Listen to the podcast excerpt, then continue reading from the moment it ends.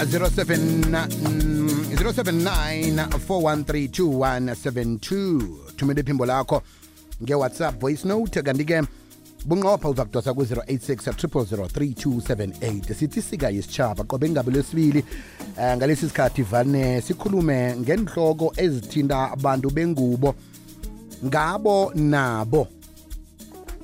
Ke sizwe ukuthi umraro yini kanti nangathi uqala imbalobalo imbalobalo batsho-ke abantu abatheleleka ngengogwana ebanga intumbantonga i-hiv bathoma laphi ebantwaneni abana-15 years ukukhuphuka. Batsho-ke begodu irhatsheka ngelikhulu ibelo ebantwaneni abangaphasi kweminyaka 15 ukuya lapha-ke ku-21 kodwana ngokuthi uyatshetshisisa umuntu ukucocela indatshana akho ukuthi ugcine afika njani kulobo bujamo kunomuntu omkhulu okhona kunomuntu otshadileko okhona ebudlelwaneni lapho-ke azagcina azithola khona athwayelekile manje-ke uvumelekile ukuthi be ube nguhloga igama sithi sika yesitshaba inyanga yabantu abatsha silinga nje ukuthi siyelelisane kwenzela ukuthi abantu abangakabi ukuthi bahlangabezane nemiraro efana naleyo bayibalekele ukufa. 086 3278 sithome ngapha akwane biziwe. Yo indaba leyo yokuthi i- sizithole sihlekisana nofana sisonyiwe baba abadala. Ababa abadala banendlela yabo yokukhonvinsa especially ukuthi bona bangahona okay singene straight forward mina ngingomunye-ke ngizokhuluma ngalo wokugcina o- o- ongisomileko ngomana mina ngiyabasaba lo ongisomileko u- usehlanganweni ezepolitiki ezithileko and unesandla entweni zomphakathi ngaba ukuthi asiza abantu abatsha ngembhazari nani nani. So kwenzakele ukuthi kunala bengiye khona ngizulazula khona itorho ngoba i-nsfas ayisanyeni so wathola inomboro wami wangibuza iintshijilo zami ngamtshela ukuthi i-nsfas one two three in in so umbuzo wakhe wokuthoma bekhona wathi manje uzinakekela njani ama-needs wakho njengomuntu omlazana hawu mina ngimtshela ngithi ngitokyo baba mirento yekhavaru sesami ukudla lapha nalapha yangisiza wathi angitsho lokho ngisho ukuthi ama-needs akho like njengomrazana ube muhle ufane nentshomi zakho. So ngicabanga ukuthi i-weakest point abayiberegisako ngileyo ukuthi bafune ukuthi ube ne-pressure leya i- i- i-pressure ikhambisana nesikhathi sanje. Wavela wangena straight endabeni wathi mina ngisaba ukunakekela ama-needs akho like babakho ezinye izinto angekho azifikelele kuwo okay. Hawu so mara asakhuluma njalo angithumeli i-six hundred ithi tlitlit efonini athi and then ngisa- sizokhuluma ukuthi sibonana ukuthi i- sizithole sihlekisana nofana sisonyiwe baba abadala. Ababa abadala banendlela yabo yokukhonvinsa especially ukuthi bona bangahona okay singene straight forward mina ngingomunye-ke Okay, ibuyele ngizokhuluma emva. ngalo wokugcina ibuyele emva le. Alright um akhe sizwe amazizo wakho. Nganasi indaba yokuthi kuba yini umuntu omutsha agqina asunduzeleke ekutheni ahlale nomuntu omkhulu. Kwesinye isikhathi nawuthi uyamqala umuntu lo umuntu ongalingana noyise. Kwesinye isikhathi ngaba umuntu olingana eh nonina. Ula ula sithakathi. Na mani lento le mina ngiyibona ngathi ikayi-two uyabona? Eh engingakusho ukuthi eh esikhathini esiningi bangwa yimali. Mali ya umuntu uthi asemtshadweni then bese-ke afune imali komunye umuntu uthothi mncane mara akazi nokuthi imali le uyithole ngaziphi indlela. Yes yena utshadile une-pride ukuthi ngishadile mara imali ayikho ekhaya then bese uyakuhamba uyokuhlala nalo omncane ngoba uphethe imali. Bese kuba buhlungu ngoba ubaba lo akazi ukuthi imali le ibuyaphi mara kulala kudliwe. Then ivele-ke kwesithu ngapha ukuthi eh ubaba angaba nemali mara kwesesikhathi bese-ke akabi nesikhathi sakamalo uma lo unando yabalewe ebantwaneni abancane ngoba udinga umuntu angaba naye esikhathini esiningi. Ola sithakathi Hi Biziwe. Ukhuluma noJelo Khoze Belfast emakhazene Biziwe mina ngibona ngasuthi aba- labantwana abasha ne kuze bahambe nabantu abadala abamukeli le mali ababakherisa yona like emakhaya. That is why ukuthi besendani bagijimisa abantu abadala bahambe nabantu abadala bacabanga ukuthi bayothola imali emore more than kunale ebebanika yona emakhaya. Ngiyathokoza biziwe ujelo khoze belfast emakhazeni. Bye. Nayikhibe umntwana loyo uza bayifundiswe ngibani imali leyo? Ngoba uyazi uthi ekhabo abamuphi imali engako. Ngubani othi wena fanele ube nemali eningi na uza kuba cool fanele ube umuntu ophatha imali? Umrabhu wentwe leyo sukaphi?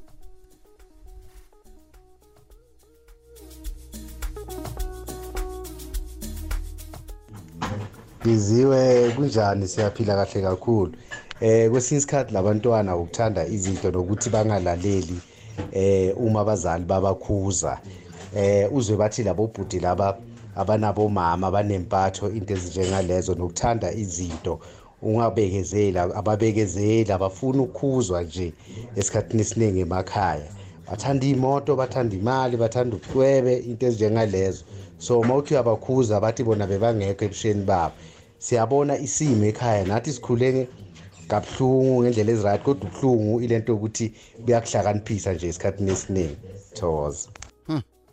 Ngizibuza ukuthi yini ekhuthaza yini influence eyenza ukuthi abantu bagcine bathanda imali? Abantu bagcine bathanda ubukhazikhazi.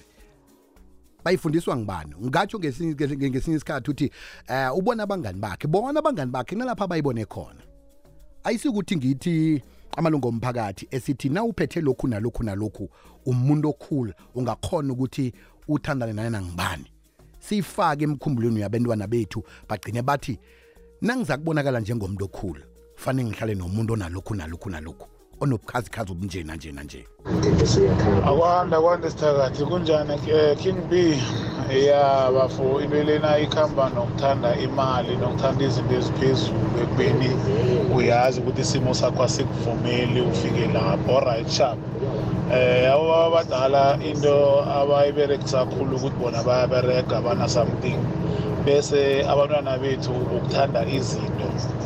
Ukuthanda izinto nempilo ongakafiki kiyo bese nani ba-attempte kalula. Ngani ngemali nengikoloyi wathi wathi and vele ungabheki ilusha lanje lithanda izinto too much. Ngothoka igama ngaphambi ezithobeni dankulu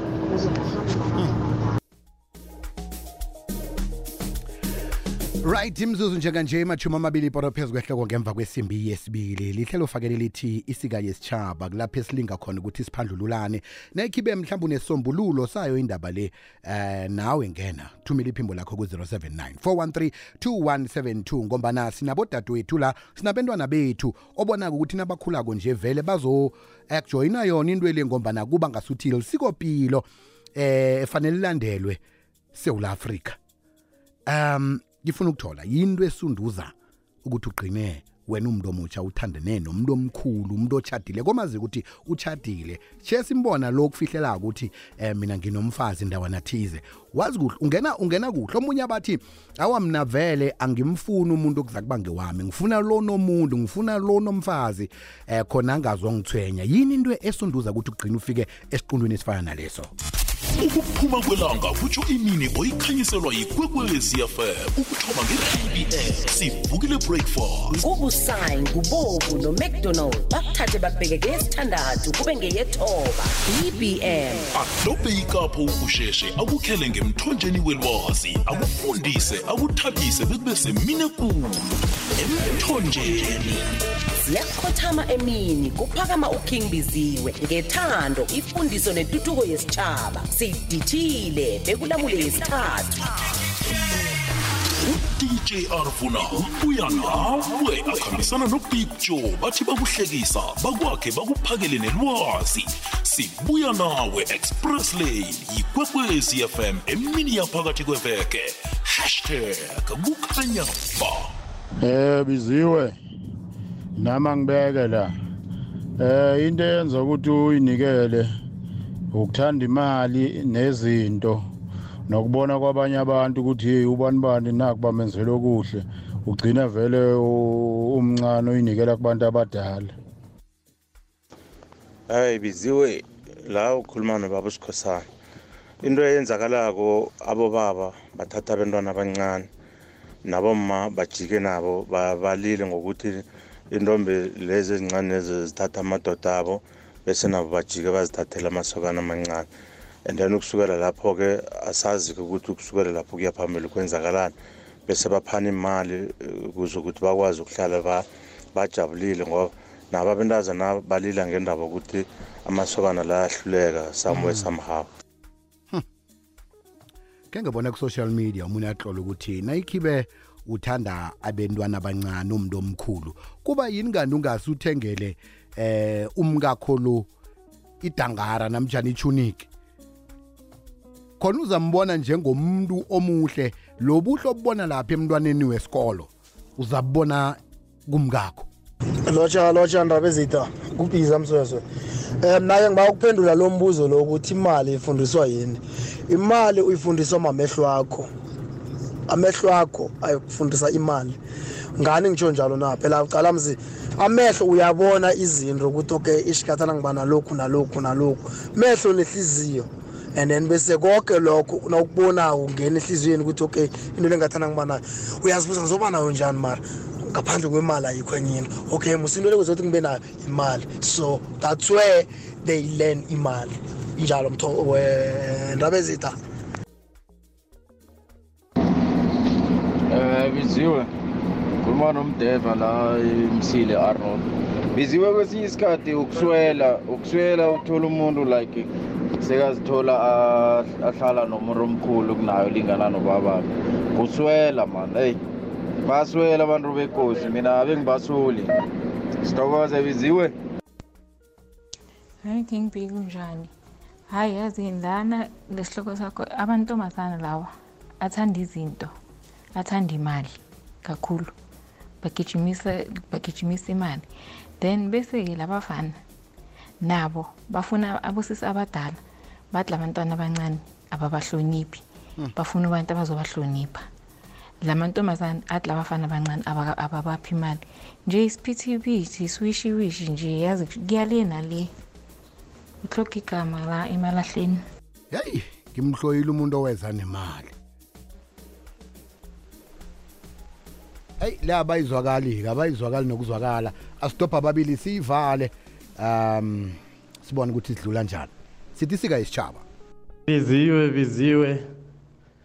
Ya inkunzi yokubolekiswa le yiyo yodwa egauteng ise-dipsloot biziwe mina ngibona ingani i-technology i-technology yiyo biziwe eyenza kube lo mraro ofana nalo. Ngombani ekadeni besingaboni yonke le nto le abantu besibona laba abantu esiphila nabo.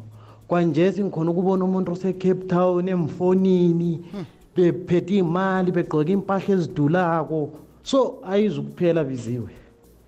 Kufuze sibakhulise abantwana abantwana bethu siba sibafundise kakhulu kakhulu laba babantrazana ukuthi bengayithandi imali. Nathi singobaba asibanikeze imali abantwana bethu babantrazana. Sibayenzise inwele sibayenze lokhu abakudingako ukuze bengalahlekeli kubo baba abadala nithokoze bisiwe Mm, umntwana athoma ukuthengelwa i-ice cream athengelwa i-boyfriend. Namjana athoma ukuthengelwa ngomunye ubaba. Eh wena ukhona? Hello biziwe. Ukhuluma nodumisani sikhosane witbank okay noma ngisibona isihloko sakho si- sisebafazini khulu. Mara biziwe abanye abangena ebudlalweni nobunjalo babangelwa kuhloga biziwe kuhlayelelwa ngatsho njalo. Iningi labanye. Akusikuthi mhlambe bayaphapha or ini. Kubobaba abanye abadala babona ukuthi eh lo baba lo nguye ozongibekela something etafuleni. Mina ngicabanga njalo abanye ba- bayiswa kuhlayelelwa biziwe. Hayi ukuthi bayathanda. Mhm. no eh njengoba nakhe ngatsho ngaphambili ngathi eh kukhona nabantu abatsha abaduna abathandana nabantu abalingana nabo mo- nabonina khe sivale nganasi ikwekweze kwande? Lotshani akwande? Akwande mna kwethu? Okay azwani. Eh stopeli biziwe biziwe eh ngujames kwamhlanga biziwe. Biziwe nami nginayo umngane onjalo ungubaba biziwe unamanga kakhulu biziwe unamanga ubuya nakusako biziwe ontazana bawa kabeza ubatshela amanga angabereki athi iveke ezako ngen-25 ini ini uzoba right uzombooster amthengele 1 2 3 biziwe mara-ke kusalako mina-ke umnganami nami loyo nabanye ngiphila nabo ngiyabakhuza biziwe ukuthi hey man yabona umntwana ukuthi mncane na? Mm. besathi hayi hlukane naye biziwe. Kuphela nje umntwana ukuthi azibambi manje nabo amadoda la eyi biziwe bakhamba khulu ngamanga umntwana agcine naye sekaya endaweni ezi-wrong. Ngithola ukuthi umuntu lona akasi-right ngiyamazi. Umuntu ophathekile ogulako mara ehaji kunjalo ihliziyo wami bebuhlungu sithokoze biziwe kusele imzuzu emibili ngaphambi ukuthi-ke siye lapha ewumeni lendaba asiyiqedele khona. Lotshani? Lotshani ekhaya? Hello, ekhaya? Sithokoze biziwe biziwe. Kubudisi abantwana banje bazimali and then uya na- na- nangabo. Kunabanye abayithoma kwinto le and bayatshelana abentwana bo ukuthi heyi phela la siyasenga la. Uyayibona? So mude abajoyine and amasokana la wabo abangani babo ababereki biziwe. Sokunathi sizimfakazi ababereki mamachegwana la bayadobhadobha nendendeni so is- isikhathi uyabona. Ngiyathokoza amasombuka kwekwesimoyeni lotshani sikudobhila kwande? Ekhaya. Sivukile kamnandi khulu mna kwethu nikhona ekhaya. Ya angiyibethe msinya bhiswe endabeni mm. eh abantwana banje biziwe bathanda imali. Bayifundiswa ngibani eyi biziwe ngakutshela amanga nethi lapho-ke mara naboma bakhulu aba uh. bazibambela kita ukhona omunye vele sowazibambela kino. Unaye? Ngabaleka okay wabalekiswa yini? Ngabo people eyi alahleka lotshani? Akwande bisiwe ekhaya. Unjani yoke nikhamba kamnandi kezwa kapho mna kwethu. Aha. No biziwe abantwana banje. Balastarha bathanda imali. Abayibonaphi? Eh no. Ayibona amasokana la ngisho angasakwazi ukusoma amalanga la vele arhathi isiphila. And then ngibo abalinga labantwana nangabe uyambotha umntwana lo ngathi eh ekhaya i-background wanomntwana isirehe nakamphosela imali. Mm. uyokudobha umntwana bese kulabo ababamba khona. Nakwethu siyathokoza. Thank you sithokoza kibo bonke abadosileko nabo bonke nje abathumela ama-voice note. Lihlelo leli lihlale siba nalo qobe ngabo losibili thoma-ke ngabo kora past 2 sithi isika yesitshaba sikhuluma ngendaba ezithinta abantu bengubo. Ukuthi bakhuthale njengombana-ke kuyinyanga yabantu abatsha nje sizo saziphethe-ke inhloko ezithinta umuntu wengubo ukuthi simthatha njani simse lapho efane eh, abe khona simkhuthaze simthuthukise ngazo zonke indlela